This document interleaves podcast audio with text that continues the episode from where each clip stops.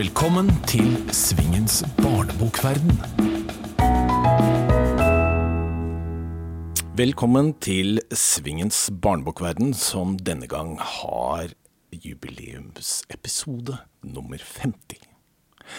Og til det jubileet så er gjestene forfatter Ingeborg Arvola, og det er forfatter Eldrid Johansen. Ingeborg, velkommen. Takk skal du ha. Hvor i landet er du fra? Jeg er jo eh, født i Honningsvåg i Finnmark, og har også bodd i Finnmark. Men hele tida når jeg gikk på skole, så var det i Tromsø by. Så jeg er på en måte Tromsø-jente. Eller nordnorsk. Eller kanskje egentlig mest fra Oslo, siden jeg her har bodd nå lengst som voksen. Men i din, når du da etter hvert begynte å velge fag selv, så, så tok du litteraturvitenskap. Ja, eh, jeg begynte med å flytte til Oslo for å ta teatervitenskap, for det var et åpent studium, for jeg kom ikke inn på noen av de jeg søkte på. Og så var det jo naturlig å ta litteraturvitenskap òg, når man var her i Oslo, og er glad i bøker. Har det å ta et teoretisk fag som litteraturvitenskap noen betydning for din egen skriving? Jeg tror det er mange svar på det. Det kommer litt an på hva jeg holder på med, eller hva jeg tenker. Men eh, jeg oppdaga i hvert fall Camille Paglia eh, når jeg leste litteraturteori. Og hun har et sånn uttrykk som er at the idea of beauty is based on enormous exclusions. Som jeg har hengt meg veldig opp i, da. Jeg oppdaga også Walter Benjamin sin barndom i Berlin, som jeg er glad i. Du eh, bokdebuterte relativt ung. Eh, du kom også med eh, voksenbok i 1999. Første gang, samme år som jeg bokdeputerte. Og så kom da din første ungdomsroman i 2000. 'Blod, snørr og tårer'. Hvorfor ble det ungdomsroman? Det er egentlig Jeg tror jeg tenker på det som en barneroman. Jeg var, var veldig fornøyd med at jeg fikk det til å fortsette å være forfatter, fordi at Herdis Eggen, redaktøren min, sa vel egentlig at man kan ikke regne med å leve av å være forfatter og gi ut bøker hele tida, for det er veldig vanskelig. Så du må gjerne finne deg noe annet å gjøre, eller beholde den serveringsjobben du har. Eh, så eh, fikk jeg lyst til å prøve, da, og satse så mye som mulig på å skrive. Og da fikk jeg jo gitt ut både en samling med sånne ganske rare korttekster og den barneboka som har Simon som hovedperson. Og eh, det var bare en stor glede, egentlig, å være der i barnebokuniverset. Men likevel så tok det åtte år før du neste gang du utga noe for barn eller ungdom. Gjorde det ikke det? Ja, det, det hadde ikke trengt å gjøre det. Men eh, det er også andre bokprosjekt som har havarert underveis, både her og der. Og det var vel noen barnebøker som jeg tenkte å, jeg skrev en barnebok, så jeg kan bare skrive en til, da. Og så ble det aldri noe av, for de var ikke noe særlig gode. Så de ligger jo der som sånne uutgitte ting i den tidsrommet. Men uh, Har du noen gang sett på dem? Har du tatt dem opp igjen og sjekket om det er noe du kan uh, jobbe med? Nei. Nei. Det syns sånne unger når man er på skolebesøk, så syns de det er veldig spennende å høre om ting som gikk i vasken. Ja. Og syns at det, det, burde du jo prøve, og det får du sikkert til nå. Men det er liksom eh, Jeg tror jeg vet at noe av det er ganske dårlig eller flatt, eller det er greit å gå videre, da. Men så skjedde det mye, og det skjedde mye på kort tid. Da hadde du f.eks. en periode med fire ungdomsromaner på fire år. Eh, det, så, så hva, hva, skjedde plutselig der? Fant du ut noe som du ikke fant ut i den mellomtiden? Det husker jeg egentlig ikke. Eh, jeg jobba jo litt i NRK Super med å få være manusforfatter på Kometkameraten, og da lærer du veldig mye veldig fort.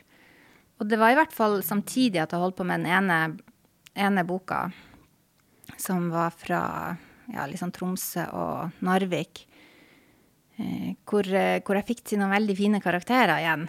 Og så kanskje jeg fikk liksom eh, litt selvtilliten tilbake på at å, jeg får det jo til. Og så hadde jeg en historie liggende hvor man kan bruke egne erfaringer som hester. Så det var jo liksom tre hestebøker da, som kom år etter år der. De, de var jo liksom én historie som man deler opp i tre, så det var jo litt flaks. Hvordan er din arbeidsmetode, eller finnes det en arbeidsmetode som du har når du skal jobbe med en ny uh, ungdomsroman f.eks.? Jeg tror det er veldig viktig å ha en, eh, en karakter man liker, eller misliker. At det er veldig viktig med den hovedpersonen som skal bli stilt på prøver, da. At det må være noe som står på spill. Så jeg tenker ganske mye på hva som er det viktigste som skal skje, eller ikke skje. Og hvem er denne personen? Det, må, det, det trenger ikke å ligne på meg, og gjerne motsatt.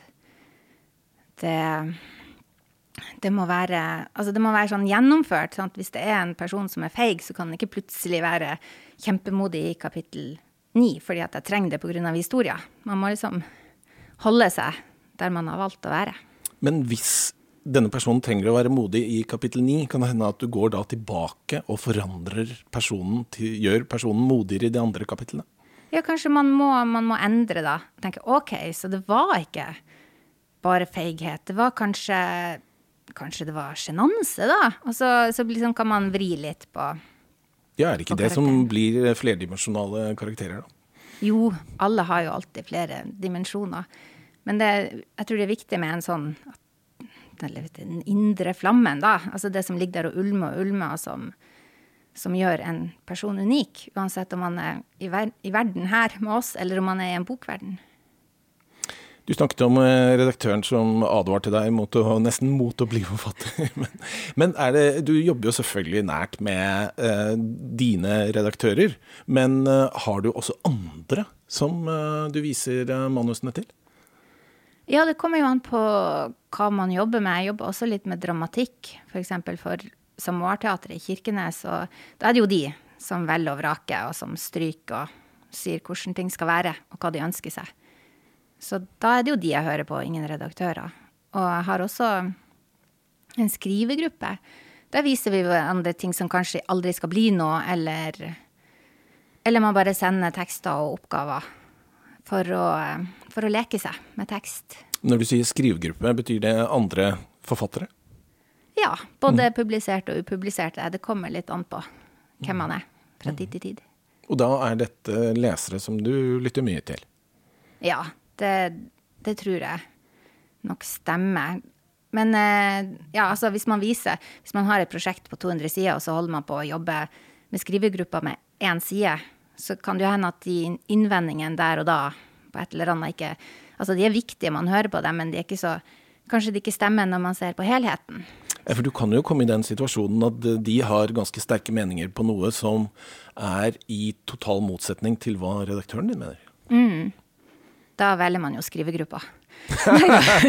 Nei, det gjør man ikke. Men eh, altså, det bare ting forandrer seg jo hele mm. tida når man skriver. Det er jo et sånn plastisk materiale som skal bli noe enda bedre. Det begynner et sted. Men vil du kalle deg selv veldig selvkritisk? Nei. Nei, tvert imot. Jeg, sånn, jeg syns alltid at jeg skriver så supre ting. Så jeg, Oi, det her blir bok, og det blir pris, og blir nå skal jeg selge masse bøker. Men det er jo sjelden sånn, da. Så jeg, jeg får jo noen kalddusjer innimellom. Men jeg har jo blitt veldig vant til det, da. Altså å godta kritikk. Så når noen sier at ja, det her er bra, men du må jo kutte 50 sider av 100, så tenker jeg OK, det kan jeg gjøre. Fordi da, da, vet jeg liksom Jeg tenker at da er det noe bra med de 50 sidene som er igjen. Men jeg kunne jo sikkert kommet på det sjøl hvis jeg var selvkritisk og liksom satt meg ned og tenkte gjennom det. Men når boka kommer ut, bryr du deg mye om den eventuelle kritikken du får da? Nei, eh, egentlig ikke. Det er jo kjempehyggelig å få ros, men det er nesten sånn at hvis man får noe veldig mye ros, så tør jeg nesten ikke å lese det, for man kan bli sånn litt for opptatt av det. At man blir bare glad. Og hvis det er noe skikkelig negativt, så kan man jo bli irritert, men det er ikke sikkert jeg leser det så grundig heller. Det, det var en eller annen forfatter i et intervju som jeg husker ikke hvem det var, men som sa at han aldri leste bøkene sine når han var ferdig med dem. For han ville gå videre. Så tenkte jeg ja, det var han jo ganske smart. Så, så jeg prøver å være litt der. At jeg skal liksom videre. Du må eventuelt lese litt fra dem, men eh, det å sette seg ned og lese gjennom sin egen bok etter at den har kommet ut Jeg tror ikke det er så mange forfattere som gjør det. Tror du? Nei, jeg håper ikke det, egentlig. Det er jo så mange andre gode bøker å lese. Jeg har lest to bøker inn sjøl, sånn lydbok, og det var ganske, ganske, rart, da. Det var sånn OK, ja ja, men det er jo noe bra her, da. Altså, det var fin flyt og sånn, men man satt plutselig så fast i den, i den historien igjen. Ja, og så ser man jo gjerne noen setninger som man kunne ønske man kunne skrevet på nytt. Ja. Ja da. De er der, de òg. Men uh, apropos ros, Uh, vi må snakke litt om Buffy.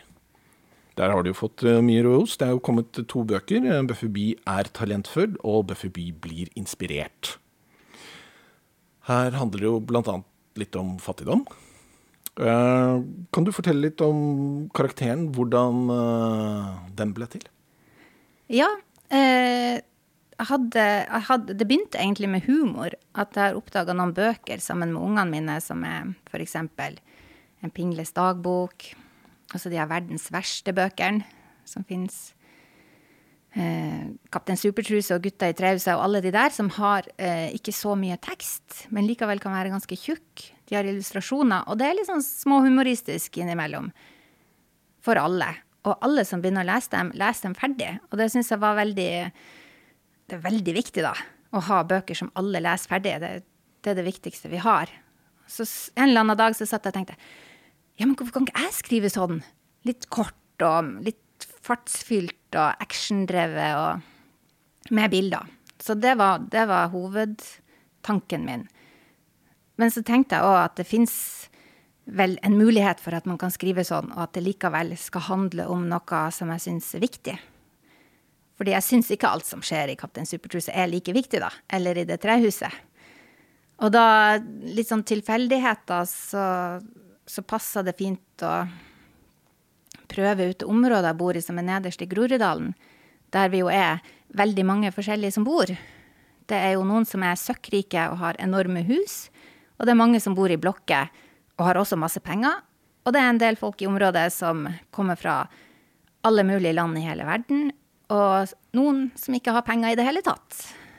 Og på skolene eh, i bydel Bjerke så er det også veldig mye fint som skjer pga. den blandinga.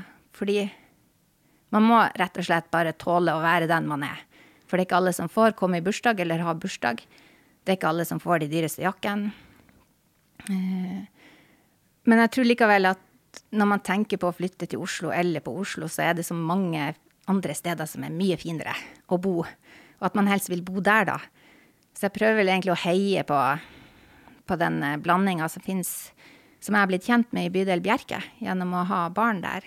Så jeg kjenner jo f.eks. noen gutter som er vennene til min sønn, som bor i den blokka der Buffy bor, og som også Jeg kjenner til pengeproblemer, både personlige og i området. Så, så, jeg kunne bruke mye da, som jeg, som jeg, kan.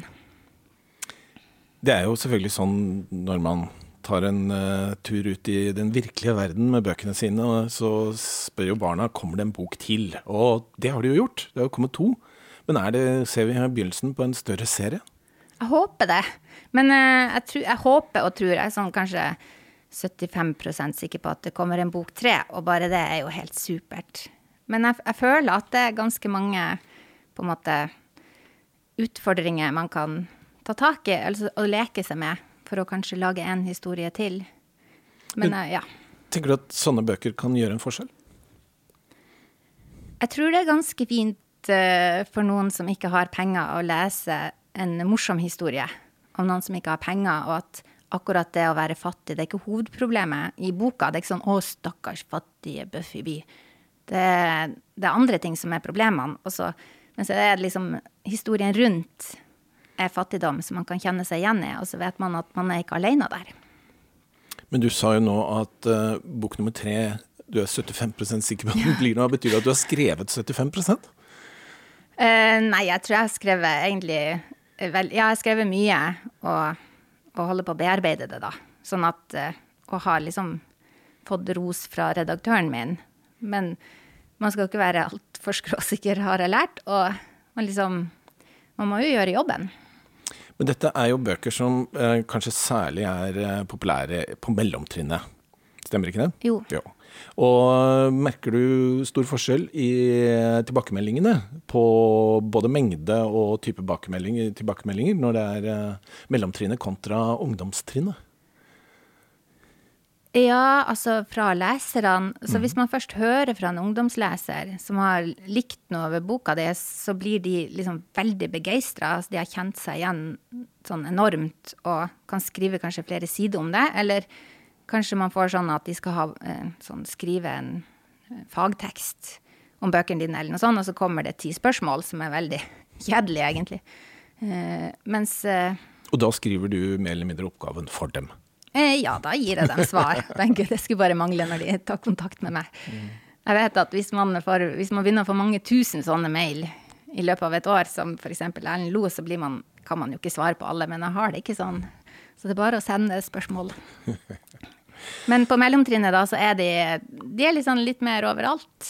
Som hummer og kanari, og spør om det som faller dem inn. og det var f.eks. noen som satte seg inn i boka, som var veldig opptatt av faren til Buffy By, og hvorfor han så, ikke bryr seg om ungene sine. Og det, det var jo For meg så var det bare noe sånn måtte det være for at det skulle være en utsatt familie. Så jeg nesten ikke brydde meg om han faren før jeg begynte å dikte han opp som en skurk. Mens de tok det jo på alvor da. Og det var, det var jo lærerikt for meg. Hva vil du si er det beste og det verste ved å være forfatter? Jeg liker veldig godt å dikte, så det passer jo fint å være forfatter da. Det er jo mange steder det ikke egentlig passer så godt å lyge om alt mulig, eller ikke fortelle det som er sant, eller være, ja, ta mye plass i hverdagslivet, mens når man skriver en bok, så passer det veldig bra. Og så har jeg jo lært meg det at jeg bestemmer jo alt sjøl.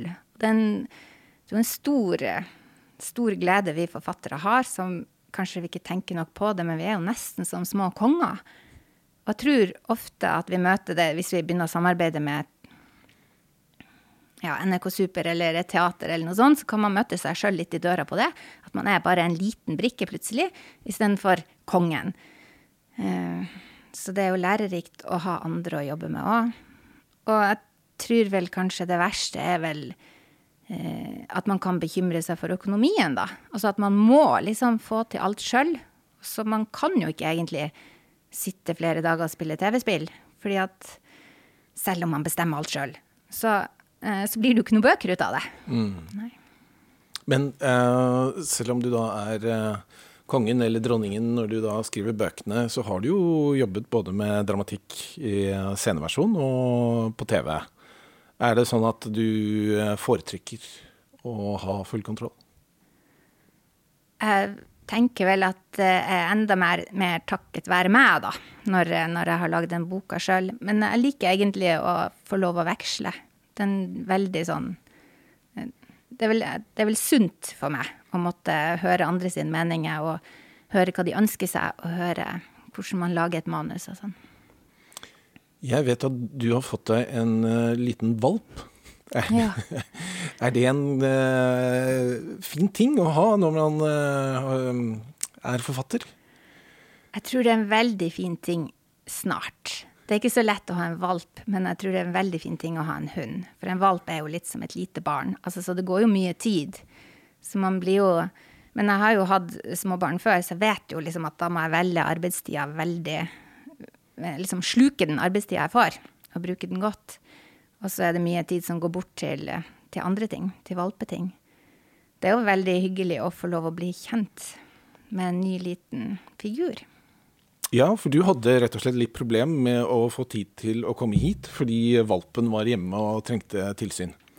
Ja, han er en tygger. Det er jo mange valper som er det, men altså, han tygger nok i stykker nå snart. Men uh, jeg kunne dra når han sov, så hadde god tid hit. Og så er vi her og prater, og da har jo Akkurat nå har vi jo korona, så eldstesønnen min har pause. Så han er liksom valpevakt. Og så må jeg komme meg hjem i full fart før, før liksom noe er tygd i stykker altfor grundig. Jeg skjønner. Uh, vi skal eh, snart la deg dra hjem til valpen. Men uh, jeg har jo bedt deg om en liten anekdote. Og fra ditt uh, rike forfatterliv, og da tenker jeg det kanskje blir noe som ikke er valperelatert. Ja, nei, det er ikke valperelatert. Det er, liksom, det er noe som jeg syns er kjempeflaut, og det er jo en bra anekdote. En av de romanene jeg har gitt ut, heter 'Straffe'. Og da lot jeg meg sterkt inspirere av Cora Sandel, som levde i liksom, det småborgerlige Tromsø i gamle dager, og, og følte på det at det var vanskelig å bli sett av byen. Så i min straffe så er det ei som heter Cora Sandel, som lever i en slags sånn liten by opp oppdikta by i Finnmark. Og så heter jo jeg Ingeborg Arvola, og Arvola er et finsk navn. Og har egentlig eh, masse sterke følelser for finsk, eller kvensk, som noen vil snakke, si, si at det heter. Så for eksempel når eh, jeg og faren min kom til Arvolaneset når jeg var liten, så snakka alle finsk sammen. For det gjorde de jo i familien. Og så tenkte jeg at jeg kan finsk. Og så vokste jeg opp etter hvert, og så skjønner jeg at jeg kan jo ingenting finsk. Egentlig. Jeg kan bare liksom lyden av det. Så jeg kan telle til tre og sånn. Jeg gadd aldri å lære meg det skikkelig. Eh, men i straffe, siden det er i Finnmark, så er det liksom noen som sier noe på finsk eller kvensk. At du, når du leser, så skjønner du at samme setninga kommer liksom både på norsk og finsk. Eh, og da spurte jeg faren min, som fremdeles levde, kan du oversette det her til meg? Ikke til rett finsk, men til sånn som dere snakker. Etter å ha levd i Norge i ja, 100 år. Og har liksom, da har man fått en avart av finsk. Eller kanskje litt sånn gammelmodig. Med litt sånn norsk innblanda og samisk innblanda. Og så sa han ja da, det kan jeg gjøre. Og så sendte han jeg vet ikke, mellom fem og ti setninger som da skulle bli perfekt finsk-kvensk fra Finnmark.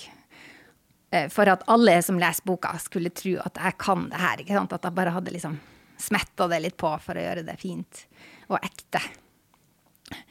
Uh, så har jeg skjønt i ettertid at det er ikke noe særlig Altså, det er ikke, det er ikke kvensk, og det er ikke finsk, eller noe som helst, de setningene han ga meg. Det ble bare tull. Og det har noe med hvordan finsk er bygd opp med masse kasus, at eh, alle ordene henger sammen med hvem som sier noe hvor, oppå hva. Og sånn, så det ble egentlig bare humbug, så jeg kunne like gjerne ta sånn Google Translate på de setningene. Så det så jeg liksom En eller annen gang så kommer noen som leser finsk til å kan finsk til å lese det, og så tenker jeg 'hæ?' og det er, liksom, det er flaut for meg å tenke på. Og så litt gøy, da. Ja. Nytt opplag, vet du. Du kan gå inn og forandre. Ja, kanskje det, men det er jo litt artig at han gjorde en såpass dårlig jobb, da. så kan det. Jeg får passe på å takke han bak i boka, så alle vet hvor ja. det kommer fra. ja, det kan jeg gjøre. Da er eh, tiden inne for å få inn eh, deg i samtalen, Eldrid Johansen. Velkommen. Tusen takk. Mm -hmm. Du eh, nevnte før vi satte i gang at du hadde for en gangs skyld vasket hår i dag fordi du skulle ut blant folk. Ja, jeg følte jeg skulle på fest. ja. Og jeg, det er jo litt på fest òg, i og med at det er sånn 50-gangs eh, jubileumsepisode, dette her. Ja. ja. Så um, det er jo en litt spesiell tid, og derfor så har jeg jo lyst til å um, spørre dere begge to. Hva har det at vi nå er i en situasjon hvor de fleste må være mye hjemme, ser lite til andre mennesker, hva har det betydd i forhold til kreativ skriving? Skal... Ja, eh, jeg, altså det har ikke betydd så veldig mye sånn for meg i, i hverdagen min, fordi man er jo ganske mye alene som forfatter det er litt mindre sånn eh, ting som må gjøres sammen med ungene. At man hjelper dem og går på trening eller drar på sånn håndballcup eller basketcup. Så det er jo eh, Men jeg tror kanskje mange andre har satt seg ned og har en skrivebok litt nærmere enn de hadde før. Og at, at man kanskje også mange har fått tid til å tenke noen av de kreative tankene som kan bli til kreativitet. Jeg syns det har vært litt vanskelig å finne fram kreativiteten i det. Og særlig det med når det var hjemmeskole og alle skal være hjemme på én gang, og mannen min sitter i, på kontoret ved siden av, sånn, så får jeg liksom ikke hodet for meg selv. Og jeg har skjønt det at jeg trenger å ha det helt stille for å kunne tenke. Jeg er jo ikke en forfatter som bruker musikk. Ingenting sånt. Jeg kan ikke ha noe ytre stimuli. Så når det er noen som roper 'mamma' eller hisser på en lenke som ikke funker på ungdomsskolen og sånt på rommet ved siden av, så syns jeg det har vært vanskelig. Når jeg er på skolebesøk, så er det jo ofte sånn at uh, ungene stiller et uh, spørsmål som jeg har sikkert fått et par tusen ganger. Hvor, uh, kom, hvor, finner du inspirasjon? Eller en variant av det, da. Og jeg syns ofte det både er litt vanskelig å svare på, så føles det litt sånn fjernt for meg. Liksom, for jeg tenker ikke helt på den måten. Det som jeg tenker på, er jo liksom det at jeg føler noen ganger at det går bra.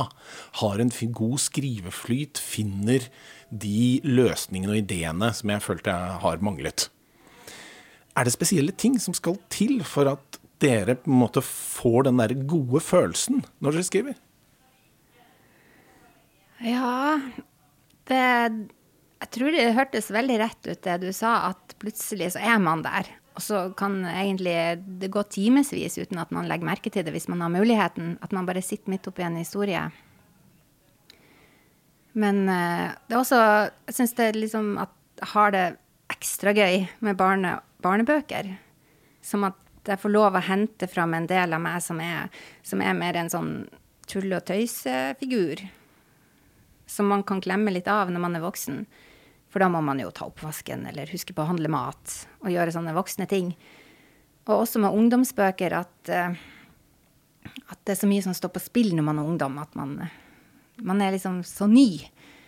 Og alt er så viktig eller så skummelt. Og så hvis jeg skriver og tenker på en ungdom, at jeg skriver til noen ungdommer som kanskje til og med ikke leser så bra, så, så blir jeg veldig Syns jeg det er veldig spennende, da. At jeg får lov å komme et sted hvor, hvor, veldig mye står på spill. Og man er sånn, kanskje man holder pusten litt og bare gleder seg til å få lov å fortsette litt med det som er så spennende. Men som, som voksen så har jeg vel kanskje at man har flere baller i lufta, at man tenker mer på, på utviklinga av en historie. Eller lar seg inspirere av nyhetene, eller egentlig litt sånn tilfeldig hva som helst. For du nevnte jo stillhet, Elred. Men ja. uh, hva skal likevel til for at du uh, finner den der gode skrivefølelsen? Ja, Gode skrivefølelsen er noe annet enn inspirasjon. For inspirasjon føler jeg at jeg finner overalt. At hele livet er fullt av inspirasjon, bare man har øynene åpne og er liksom detektiv. Jeg føler meg som en spion eller detektiv i mitt eget liv. At jeg samler på folk og situasjoner og steder og overhører samtaler, og at jeg hele tiden fyller hodet mitt med inspirasjon. Men å få det ned på papiret, da, eller inn i datamaskinen, ja, det er det at det må være stille. At jeg må klare å komme til et sted hvor jeg ikke blir så forstyrra av alt det derre indre kjøret som handler om alt det andre. Som kanskje har med oppvasken og hva skal vi til middag, og når skal taekwondo-treningen og ditt og datt og den andre jobben og sånn. At jeg må liksom få det vekk. For jeg har hodet så fullt av det også. Så når jeg klarer å dytte vekk alt det andre og bare dykke ned i historien, og opplever sånn at nå har timene gått, og det er kjempespennende, sånn som du sier. Å, dette skjer, og dette skjer, og jeg bare jeg lever i det. Det er fantastisk. For det er jo det er en spesiell jobb vi har på mange måter. Og eh, man ser jo at folk som er ute i det vanlige arbeidslivet, har jo litt humør etter hvordan arbeidsdagen gikk.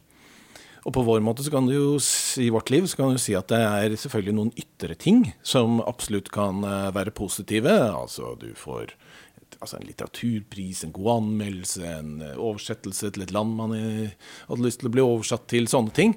Men som regel så skjer ikke de tingene. De skjer veldig unntaksvis. Mm. Er det sånn at hvis du da virkelig følt at uh, nå har jeg funnet noen gode løsninger, nå har jeg skrevet en skikkelig god side, så har det mye å si for humøret og familielivet hjemme og hvordan middagen blir og alt? Ja, det kan jo det. Hvis man føler at man har klart noen ting, at man leser sin egen tekst og tenker oi, jøss, her var det noe. For det merker man jo. Og det er det jeg tenker man kanskje må finne motivasjonen i òg, sånn som du sier. Disse prisene og oversettelsene og sånn. Det, det, er ikke så mye av det.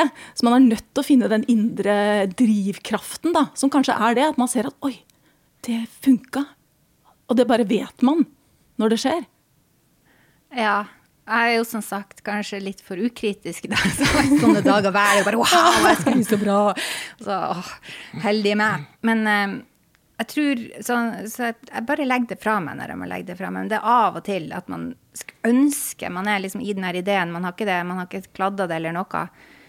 Så hvis man hadde bare fått et kvarter til, eller ti minutter til, så ville, det, så ville man liksom hatt hele sida eller ideen eh, ferdig men man rakk det ikke. Så man må legge det fra seg fordi at det skjer en katastrofe. Og da tror jeg at jeg kan bli litt sur. Sånn der, åh, ja. Jeg har bedt dere om et spørsmål til hverandre. Og Eldrid, skal vi begynne med ditt spørsmål til Ingeborg? Åh, jeg har jo forberedt flere, i og med at du skulle, jeg visste at du skulle bli intervjuet først. Så nå sitter jeg og lurer litt. Er det lov til med et litt sånn eh, vorspiel-spørsmål? Bare så lite som ja. ikke egentlig tels? Selvfølgelig. Er det sånn pga. din da hestedille, som jeg skjønner jo at du har, eh, at du lurer inn hest i alle bøkene dine på en eller annen måte? Nei, jeg har, jeg har, ikke gjort det bevisst, men uh, for eksempel er det noen hestegale jenter som, i Buffy Byboka som leker hest i skolegården. Ja, det er det jeg merka nemlig. Der, der, er jeg, tenker jeg. Hesteklær og hestesokker. Og, uh, så jeg kunne jo prøvd å begynne med det. Mm. Mm, okay. En ting til som jeg tenkte på apropos Buffy By. Uh, for jeg lurer på, for det er jo ganske alvorlig bakteppe. Det er mange ting du kunne gått inn i, inn i al altså, i det store alvoret og alt dette med, med, fattigdommen og utenforskapet og dette, hvor du har klart å styre så veldig lett og fint unna. Hvordan jobber du for å klare å unngå å gå ned i, de, i dypet av de følelsene der? Ja, jeg tror at jeg heier jo veldig på Buffy Bye, da. At uh, jeg syns hun er skikkelig tøff, og jeg skulle egentlig ønske jeg kanskje var litt mer som hun som person sjøl. At man er litt, ja lite selvbevisst, kanskje. Veldig mye bein i nesa. Men jeg kjenner jo også noen unger i nær familie som har vokst opp i stor fattigdom. Og så har jeg fått kjenne dem, og så er de så kule. Og de har liksom Jeg vet ikke, de har lært mye, da. Mm. Av, å være, av å ikke ha noen penger og ikke kunne gå på noen av de fritidsaktivitetene som jeg jo egentlig tenker at alle burde få lov å gå på, for det er så viktig å få lov mm. å lære mestring. Men de har jo lært mestring, de òg. Så Eh, så liksom, jeg vet ikke, så må jeg gjøre en honnør til dem òg, da. Og tenke så fint at jeg får kjenne dere. Mm, men har du, klar, har du, tenkt på det helt bevisst når du har skrevet at nå styrer jeg unna? For jeg tenker for min egen del at jeg fort så går inn i de følelsene. Så tenker jeg så deilig å holde det på et sånt lett nivå. Nei, jeg, jeg vet Nei. Jeg har ikke, altså, jeg har, ikke, tenkt nei. På over det. Nei. det, det er kanskje bare at eh, jeg greide at det klaffa Sånn, jeg fant en fin sånn balansegang. I og med at jeg, jeg syns det er veldig gøy når jeg finner ut at, eh, at mora tenker at de skal dele en tomatsuppepose på to dager. Fordi at en tomatsuppepose er jo så stakkarslig, og den koster ti kroner. Så det, mm. da betyr det at du har lite penger. Uh, altså dele den på to dager, så det blir sånn der skikkelig skvip. Da tenker jeg oi, stakkars dem. Og så syns jeg det er litt gøy, da. At de skal ha det så fælt. Ja, for de syns jo ikke synd på seg selv. De, synes, de tar det jo helt mm. fint. Og da, da ligger det jo mye under, da. Mm. I, liksom, det ligger mye mørke under den dumme tomatsaus, tomatsuppeposen. Mm. Ja, men det er fint gjort, tenker jeg. Å klare å holde det så lett. Skal vi ta ditt uh, spørsmål, Ingeborg, til Eldrid? Ja. Eh, når jeg fikk vite at vi skulle samtale, så fikk jeg veldig lyst til å lese noen bøker. Og da, og da har jo jeg valp, og du har en valpebokserie. Mm. Så den eh, tok jeg og leste sammen med yngste sønnen min. da. Han kunne, vel, han kunne jo lest det sjøl. Eh, og har egentlig kommet forbi at det bare skal være store bokstaver òg. Men jeg syns, uh, jeg syns de har sånn fin driv. De er jo veldig korte bøker som man skal lære seg å lese sjøl. Eh, og f.eks. at eh, spørsmålet om hva hunden skal hete, er, er, noe som, liksom, er, noe av det som står på spill i faktisk to bøker. Eh, mm. det syns jeg er kjempesmart. Og så lurer jeg på om du kan snakke litt høyt rundt det. Eh, hvordan, hvordan velger man hva man skal skrive om når det skal være så kort og på en måte enkelt? For det skal jo absolutt ikke bli kjedelig eller flatt. Nei, det er vel kanskje det å gjøre de små tingene enda større, rett og slett. For det er jo veldig viktig hva valpen skal hete. Det vet jo du som har fått deg valp, at det er jo ikke, man, det er ikke noen tilfeldig liten sak, det. Og så er det jo sånn at det må ofte hete noe på en bestemt forbokstav, for den er jo en del av et eller annet kull. Det vet jo jeg, for vi har jo hatt valp som het Hjalmar. Så det er jo liksom en, en sånn til ære for han, egentlig. Han er jo død for veldig mange år siden. Golden retrieveren yeah. som vi hadde hjemme. Men eh, så han måtte jo hete noe på H. Og det var jo derfor, og da ble det jo stor eh, diskusjon blant oss der hjemme. Og det var mye som sto på spill for oss. Og tenkte at ja, ja, da er det en, det er en viktig ting. Ja, så du lærte det? Jeg lærte det. Jeg mm. lærte det i mitt eget liv, ja. Var det svar på spørsmålet, egentlig? Mm. Ja da, det var det. Bra. Eh, Ingeborg, da foreslå at du løper hjem til eh, valpen. Hva heter valpen? Han heter Balto. Balto? han heter egentlig, han, eh, som, som, du sier, så heter han faktisk et sånn uh, James Bond-filmnavn. Jeg tror det kanskje er 'Tomorrow Never Dies', fordi at, ja, de er ja. del av kull. Men han har jo sitt eget navn òg, da. Ja. ja, for det kan jo nå risikere at det har vært spist litt både her og der i, av møblement og jeg vet ikke, boksamling. Jeg tror han har lagt en pute og tygd i stykker en matte matte, og kanskje Ja. begynt på en stol. Det kan hende. Blir Buffy kjent med en valp nå i neste i tredje boka, lurer jeg på nå. Nei, Nei. kanskje en eller annen gang. Ja.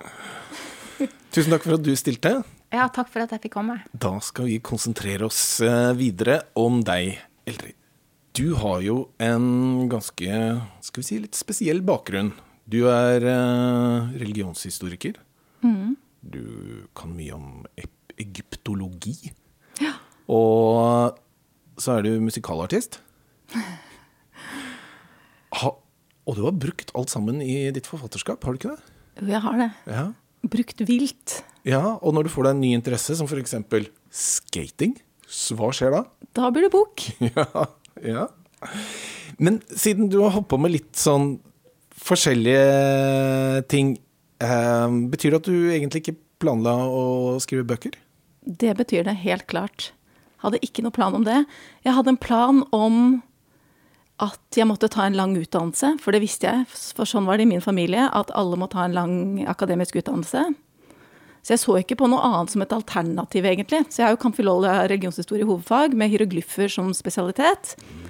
Eh, men så ville jeg jo synge. Egentlig innerst inne ville jeg jo bare synge. Sånn at jeg har jo lurt inn fagene musikkvitenskap og teatervitenskap også i den graden min, da. Og så rett etter endt hovedfag så sto jeg mellom Da søkte jeg faktisk på aspirantskolen til UD, for jeg hadde fått så bra karakterer på Blindern og tenkte at ok, enten så blir jeg sånn superkulturattaché. De skjønner at jeg er lurt, for jeg kan forskjellige språk og kan rare ting og kan synge og stå på scenen og sånt. Og så søkte jeg samtidig på Bårdar Akademiets musikkteater og artistlinje. Så tenkte jeg ok, her får skjebnen bestemme. Hvilken vei blir det? Hvor, hvor skal jeg gå nå? Og det ble Bårdar. Og det ble showbiz. Ja, du har eh, opptrådt i eh, en god del musikaler. Jeg har det. Men, I- men likevel så ble det bøker. Ja Forstår ikke Jeg vet ikke helt. Var ikke planlagt. Men jeg har alltid likt veldig godt å lese. Og så av Det var litt tilfeldig at jeg begynte eh, å skulle um, være konsulent for det som da var Dam forlag. Eller det var vel ikke helt tilfeldig. Altså jeg fikk det gjen, en, et oppdrag gjennom da min kjæreste, som senere har blitt min mann, da, Steffen Sørum. Eh, og jeg tror faktisk den første eh, konsulentuttalelsen som jeg skulle levere inn til forlaget, var en Tutankhamon-bok. Av en vi kjenner godt, Ingunn Aamodt. For jeg kunne jo egyptologi, jeg kom rett fra det. Før Bårdar. Så, da, så i og med at jeg da fikk, eller skrev denne konsulentuttalelsen, så skjønte jeg også Så, fikk, så var vel de fornøyde, da, de som bestilte det i forlaget.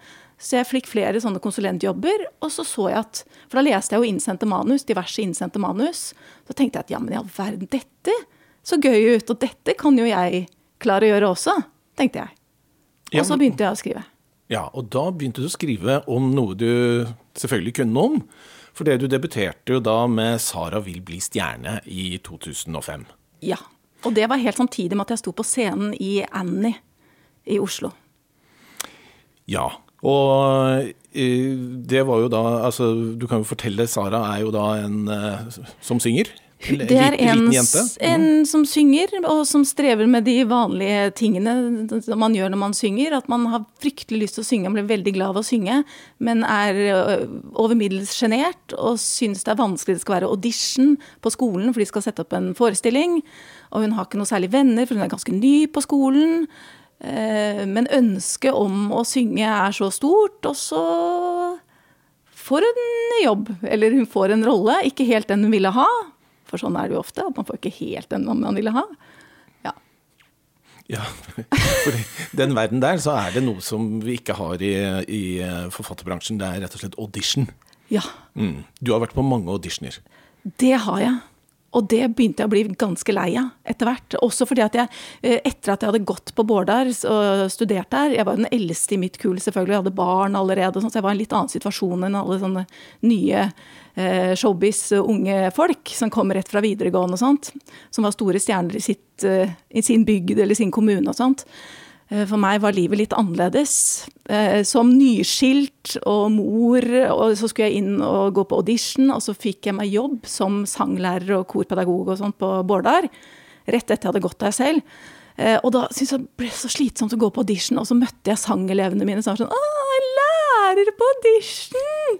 Så tenkte jeg, åh, orker jeg dette? Og så visste jeg at hver gang jeg fikk en jobb, okay, så hadde jeg kanskje den et halvt år, tre kvart år. Og så var det en ny runde med audition. Det var aldri, aldri, aldri sikkert. da. Det var bare en sånn liten stund av gangen. Men nå får du jo på en måte kombinert det litt, for du reiser jo rundt og synger Ja, jeg gjør det. på skoler. Det var det som jeg fant ut var så genialt. Og da blir det ikke noe audition. Da er det ikke noe audition. Eller det er jo det for å komme inn i kulturen. Nå tenker du på at jeg turnerer i Kulturelle skolesekken. Og det har jeg gjort i mange, mange år med flere produksjoner. Både som sanger og også som forfatter. da. Ja, for du Eh. synger ikke alltid når du er på forfatterbesøk? Nei, på Nei. forfatterbesøk gjør jeg ikke det. Nei. Ikke i det hele tatt. Er synger du ikke i det hele tatt? Nei. Nei. Kanskje jeg gjorde det litt i begynnelsen da jeg turnerte med Sara vil bli stjerne. Jeg satt litt bak piano og sånt og gjorde noe greier med elevene som hadde med det å gjøre, men det gjør jeg aldri nå lenger. Nei, det er egne produksjoner som er sånn teater- og sangproduksjoner. Hva foretrekker du? Stå der med en bok, eller eh, være en del av Dere er vel en trio, er dere ikke? Ja, vi er en trio som har gjort mye, og så er vi fire stykker på en del. Nei, foretrekker jeg vil begge deler. Det er det som er litt sånn slitsomt med meg. Jeg tror det er det som Det er både bra med meg og dårlig med meg, at jeg, at jeg klarer ikke å bestemme meg for hva jeg vil. Eller jeg vil så mye, jeg vil alt. Jeg må synge, jeg må skrive, jeg må ha det stille, og jeg må stå på scenen. må, det er så mange ting må, Og nå må jeg skate òg, for at livet skal være bra. Det skal vi komme tilbake Ja. til. Men eh, eh, er ikke en av fordelene når du da reiser rundt som en trio eller en kvartett, så, så er dere faktisk flere? For et av utfordringene, i hvert fall sånn som jeg har sett og en del andre kollegaer snakker om det, så dra alene på tre uker, fire uker i Hedmark er ikke alltid så gøy. Nei, men du vet Det som er, at jeg har en relativt stor familie. Og det har vært eh, Når alle har bodd hjemme, nå er det jo ikke sånn lenger, for to av gutta er store, så har vi til sammen fire barn. Sånn at når jeg har vært på turné alene, så har jeg fått gjort mye av skrivingen min på turné. For at eh, logistikken hjemme har vært så hektisk og voldsom. Så for meg, ok, det, er, det må jeg innrømme at det er morsommere å reise på turné med Karianne og Camilla, venninnene mine, på en måte, og synge og sånt. Og kan, det føles nesten som en sånn jentetur. Kombinert med å opptre litt eh, på skolene på dagtid. Men når jeg har reist aleine, ok, da sitter jeg der helt mutt putta. Sånn som du vet, på ettermiddagene. Og da har jeg tvunget meg selv til å skrive, for nå har jeg tid. Og jeg slipper unna alt det som jeg må holde hjemme. Og så da har jeg fått skrevet veldig mye òg. Så det har vært liksom noe av grunnen til å ta på seg såpass mye turné tidligere òg. At jeg har fått de lange strekkene med skrivetid. Ja, for det har jo blitt en del bøker etter hvert, så du må jo ha rukket å dra på en del turneer, da, hvis det er særlig da du skriver. Ja, men jeg har også vært litt sånn, så jeg har hørt at noen forfattere også At jeg har stått opp fryktelig tidlig i perioder. At jeg har vært sånn klokka fem-forfatter som har fått to timer før jobb og før det andre starter. Bare for at jeg må få ferdig den historien. Det må ikke, det må ikke glippe for meg, hele sammenhengen. Ja, for det høres ut som en forfatter som må jobbe med ett prosjekt av gangen. Er du det? Nei. Nei. Så Nei. Da, det glipper ikke, selv om du tar en pause på et par uker? Nei, eh, det, ikke egentlig. Nei, Så jeg har ofte mange prosjekt på gang. Flere manus på gang hele tiden. Det har jo blitt eh, flest barnebøker, men innimellom så skriver du for ungdom også. Ja. Og det gjorde du da i fjor. Så kommer jo boka 'Fra du så meg'. Ja. Eh, har man en ny bok, så syns jeg man skal få muligheten til å fortelle litt om eh, hvordan den ble til, og hva den handler om. Fra du så meg, det handler om en jente som heter Karen, som har slitt, eller holder på å bli en eh, dropout på videregående. Eh, Så det blir bestemt egentlig av moren hennes at hun skal ta et friår. Hun skal dra på folkehøyskole, en musikkfolkehøyskole. eh, Hvor hun skal finne seg sjæl, og det er en kristen folkehøyskole. Og hun drar litt motvillig dit, men snart så oppdager hun jo at dette er jo helt fantastisk. Ikke bare skolen og vennene, men det at hun finner jo mannen i sitt liv. Den store kjærligheten. Det er bare det at han er den gifte musikklæreren. Så dette er en bok sånn i kjølvannet av metoo. Og et manus som jeg hadde klart da metoo med brask og bram Nei, det er ikke det det sies om metoo, det kan man ikke si. Men eh, da metoo Hva sier du for noe? Eksploderte. Eksploderte! I 2017, høsten 2017 så had, satt jo jeg med dette, med utkastet til denne ungdomsromanen. For det er noe jeg har jobba med i mange år. For det er nemlig basert på en sann historie, en historie eh, som tilhører en venninne av meg. Men veldig mange som skriver om bøker, er Mm. veldig opptatt av nettopp det du er inne på nå, timing. Ja. Er det sånn at du da kunne ønske at denne boka da kom rett i forkant, eller akkurat samtidig? Selvfølgelig. Det var jo det. Og jeg vifta jo med de papirene og sa at kom igjen, nå må vi Jeg har, jeg har noe her, og det er nå det skjer. Og dette er plutselig superaktuelt. Eh, Men det tar tid i forlagsbransjen, og det tok tid til å få den bra nok. Og så. Så kom den da den kom. Men selvfølgelig litt irriterende. Eller ganske irriterende. Ja, og nå er det jo sånn, kanskje særlig med ungdomsbøker, at eh, de kanskje ikke får all verdens oppmerksomhet. Hvordan er liksom følelsen Har du den følelsen av at noen av disse bøkene du utgir, bare forsvinner ut i intet? Ja. Og det syns jeg har vært nå. F.eks. dette siste, dette halvåret nå, både med 'Fra du så meg' og den andre skateboka, 'Girlskate'. At jeg på et vis forventet at det skulle komme noen anmeldelser, og det skulle bli litt brask og brann da, med noe. Og så syns jeg at det har vært eh, rungende stillhet, altså. Og at jeg måtte jobbe, eller det jeg har fått til, har jeg jobba for sjæl. Syns jeg. Men jeg, tror, jeg lurer på om det er noe som har forandra seg. Det er det at Forrige gang jeg ga ut en litt sånn større bok, 'Faraos forbannelse', så fikk jeg så mye oppmerksomhet. Da var det, da var jeg ikke, var jeg ikke forberedt på det i det hele tatt. Da var det de store avisene jeg fikk eh, helside i Aftenposten, jeg var i Dagbladet og VG og NRK Super. Jeg var liksom overalt. Fikk jeg noe på den? Og plutselig nå så var det så lite. Men er det ikke sånn da at uh, hvis uh, media uh, er interessert i en bok, så er alle interessert i akkurat den samme boka? Ja. Jo. Men jeg, sett, jeg har jo fulgt, jeg har vært over middels interessert i å følge med på anmeldelser og sånt dette halvåret her, siden jeg har hatt to bøker, da. Um, og sett at det ikke kom noe. Men så ser jeg jo at andre altså Det er jo det er noe annet som har skjedd. Det er jo liksom sånn undergrunn, undergrunnsbevegelser. altså Det er jo boklesere på SoMe som legger ut ting på Instagram, og de legger ut ting på overalskens på internett. Uh, at det er de leserne som mener noe. Ja, for jeg, jeg har jo merket meg forskjeller der i de nordiske land, f.eks. Ja. Så har jo eh, vært veldig mange eh, barne- og ungdomsbloggere i Sverige. For f.eks. ekstremt mange. Når jeg utgir bok der, så er, eh, så er for så vidt avisene relativt flinke til å anmelde, men det er utrolig mange på nett. Og det har jeg jo savnet her i Norge. Så du mener å se en bedring der? Det er flere som rett og slett skriver eh, på nett og Instagram og forskjellige Ja, jeg steder? syns at jeg har fått mye der. Sånn at jeg, det stemmer jo ikke helt det jeg sier at det er rungende stillhet, for jeg ser jo det. Men det tar litt lengre tid, da, for da må først bøkene ha kommet, og kanskje på bibliotekene og sånt. At det tar noen måneder før det plutselig, plutselig så blir de omtalt likevel. Men i andre kanaler enn det man kanskje forventa. Jeg tror det er likt for alle. altså Jeg er ikke noe, jeg er ikke noe sutrete eller lei meg for det. Jeg har skjønt, jeg har liksom akseptert at det er sånn det er. Eh, Men jeg syns jo det er litt synd, for jeg har jo jobbet med f.eks. fra du så meg, som jeg føler jeg har gitt virkelig alt og gått inn i alle disse følelsene for å få det til å stemme med en 16-årings opplevelse av dette. For man virkelig skal skjønne forelskelsen og besettelsen. At det ikke bare skal være vondt, da. Den historien, som egentlig er ganske kjip. Um, og da åh, det hadde vært gøy om jeg hadde fått noe applaus. Men, men, men. Jeg har den der indre driven. Jeg vet at det er noe bra der. Så da får jeg bare stole på det, og så får jeg bare gå videre. Finne på noe nytt. Ny historie. Ja, har, du har jo nevnt så vidt den andre boka, som også kom i høst, som heter Girlsgate. Eh, som vel heller ikke da har opplevd den, de store oppslagene og mm, mange anmeldelsene og mm, ting har skjedd rundt. Men jeg lurer jo eh, litt på tilblivelsen. Hvordan er det å ha et slags forfatterkollektiv i hjemmet? Ja.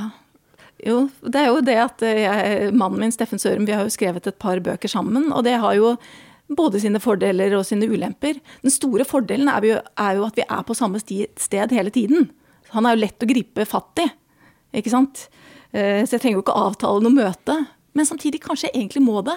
For at livet med logistikken hjemme og de andre jobbene og alt det andre vi driver med, tar så mye tid, da. Um, nei, kunstnerkollektivet hjemme Jo, på sitt beste så funker det veldig bra, syns jeg. Men så har det samtidig vært noen sinte rykk i Mac-en, selvfølgelig. For man er jo liksom veldig, veldig ærlig. Det kan man være med sin egen mann, tenker jeg. Som jeg kanskje ikke hadde turt å være med andre. Så vi jo, kan jo være nådesløse mot hverandre. Det der, det der var dritdårlig, og vekk med det, og dette funker ikke i det hele tatt, og sånn kan man ikke skrive.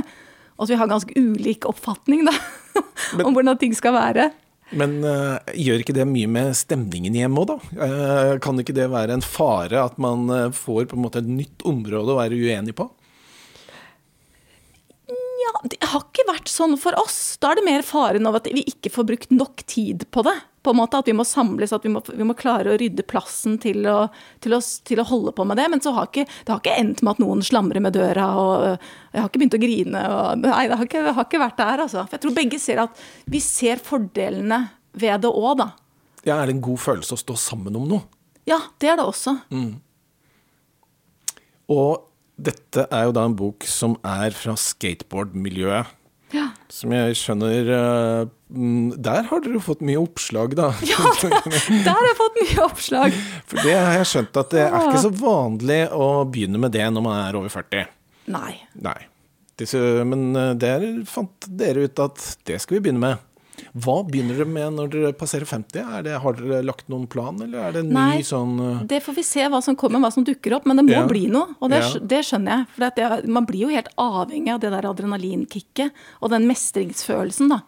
Særlig vi har begynt på Ikke bare at vi skulle begynne med, med skateboarding, men vi ville jo begynne med de store rampene. Så jeg har jo jeg har jo vært med og stilt opp Det er jo egentlig ta hjem for jentene og stille opp i Norgesmesterskapet. Jeg har gjort to år på rad i det som heter vert skateboarding, som er den store de store tre-fire meters høye rampene. Og er ikke, jeg er jo ikke god, jeg er ikke kjempegod, ikke sant. Sånn at de som er stille på eh, som menn, seniorer, er jo mye, mye mye flinkere enn meg. Men det er bare at det er jo ingen damer som stiller. I fjor var jeg eneste dame. Ja, da ble jo jeg norgesmester. Men i år, så da kom det tre, ikke sant. For da jo, så tenker jeg at da håper jeg litt at det er fordi at jeg kan vise Ble du fortsatt norgesmester? Nei, nå ble jeg kom jeg sølv. I år. Mm, I år ble det sølv. Men likevel at vi kan bli flere. Jeg vil vise dem at det er ikke så farlig. De som er gode, de må, og de som driver med dette, de må komme seg opp på de rampene. Og de må få opp statistikken på antall damer og jenter som driver med dette her. Det er viktig for meg. Så jeg føler at jeg, selv om jeg står der på, ytterst på tuppen av rampen av og til og kan få nærmest sammenbrudd for hvorfor jeg gjør dette og, og syns det er kjempeskummelt og virkelig må kjempe mot mine egne demoner, så tenker jeg at det er så viktig at jeg gjør det for jentene. Og at jeg også blir flau, at jeg tenker at jeg tar plass. da. Hvem er jeg til å komme her i et norgesmesterskap, og det sitter dommere og sånt, og ser på meg liksom kvinne 47 i en stor at, at jeg blir litt sånn latterlig, litt sånn klovn, da. Men så tenker jeg at nei, jeg må heve meg over det. Jeg må ta en for jentene. Ja, for når jeg ser uh, skaterne som holder på foran rådhuset f.eks., så syns jeg bare ser gutter. Er det mm, få jenter som skater?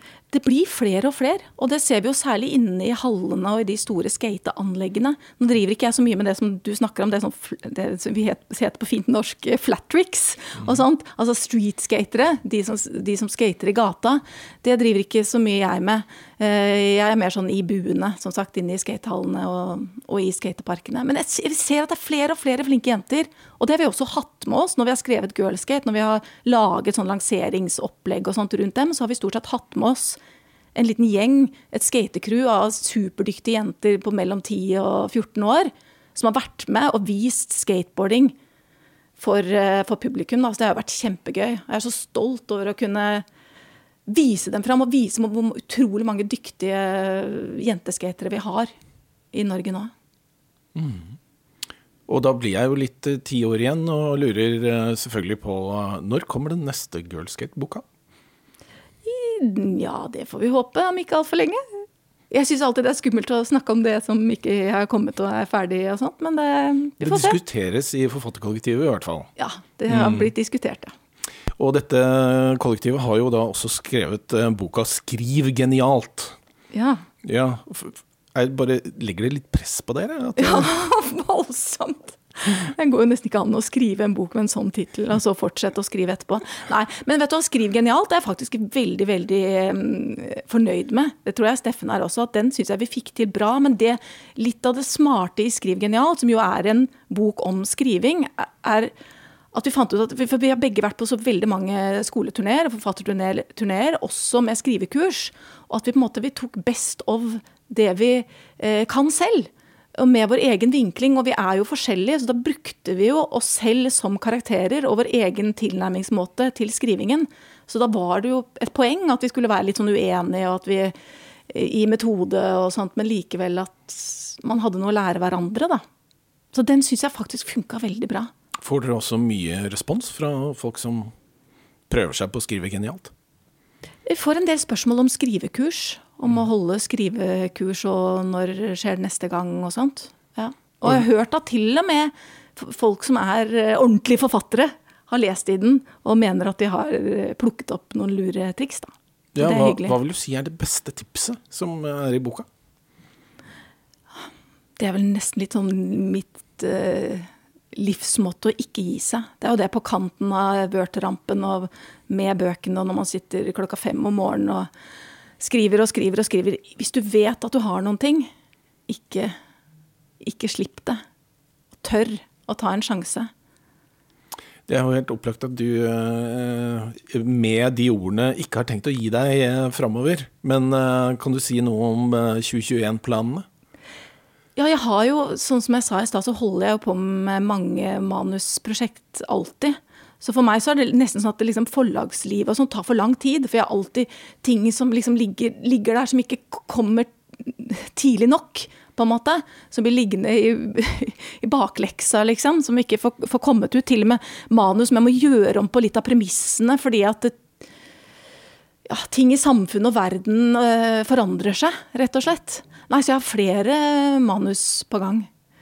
Eh, men vil ikke si så veldig mye mer om det. Det, det får tiden vise. Ja. Men det kommer noe, i hvert fall. Det høres lovende ut. Ja.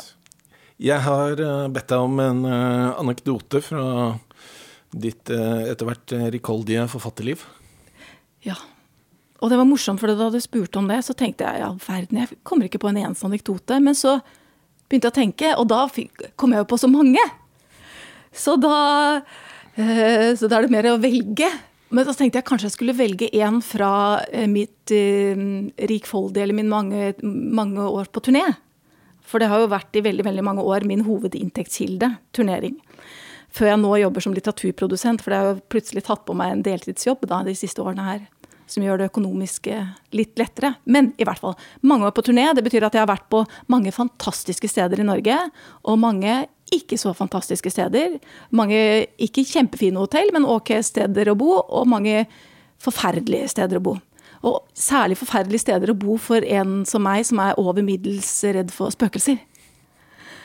Så har jeg måttet overnatte på noen steder. Og det verste var for en, et par år siden hvor jeg skulle på en biblioteksturné. Og det er jo det at det ofte ikke er så veldig mange penger i dette gamet, det vet vi jo. Men jeg var eh, Jeg skulle være to uker et sted. Og jeg var godt over 40 år, ikke sant? fire barn, og jeg tenker jo at jeg egentlig bør være en voksen dame. Ja. Eh, og få vite at jeg skal bo i en forfatterleilighet, tenkte jeg det hørtes flott ut. Fantastisk. Og som jeg sa i stad, ofte når jeg er på turné, så er det sånn at jeg niskriver etter at jeg har vært på jobben. Så jeg trenger liksom Jeg trenger et bra internett, jeg trenger fred og ro, at jeg kan sitte og skrive.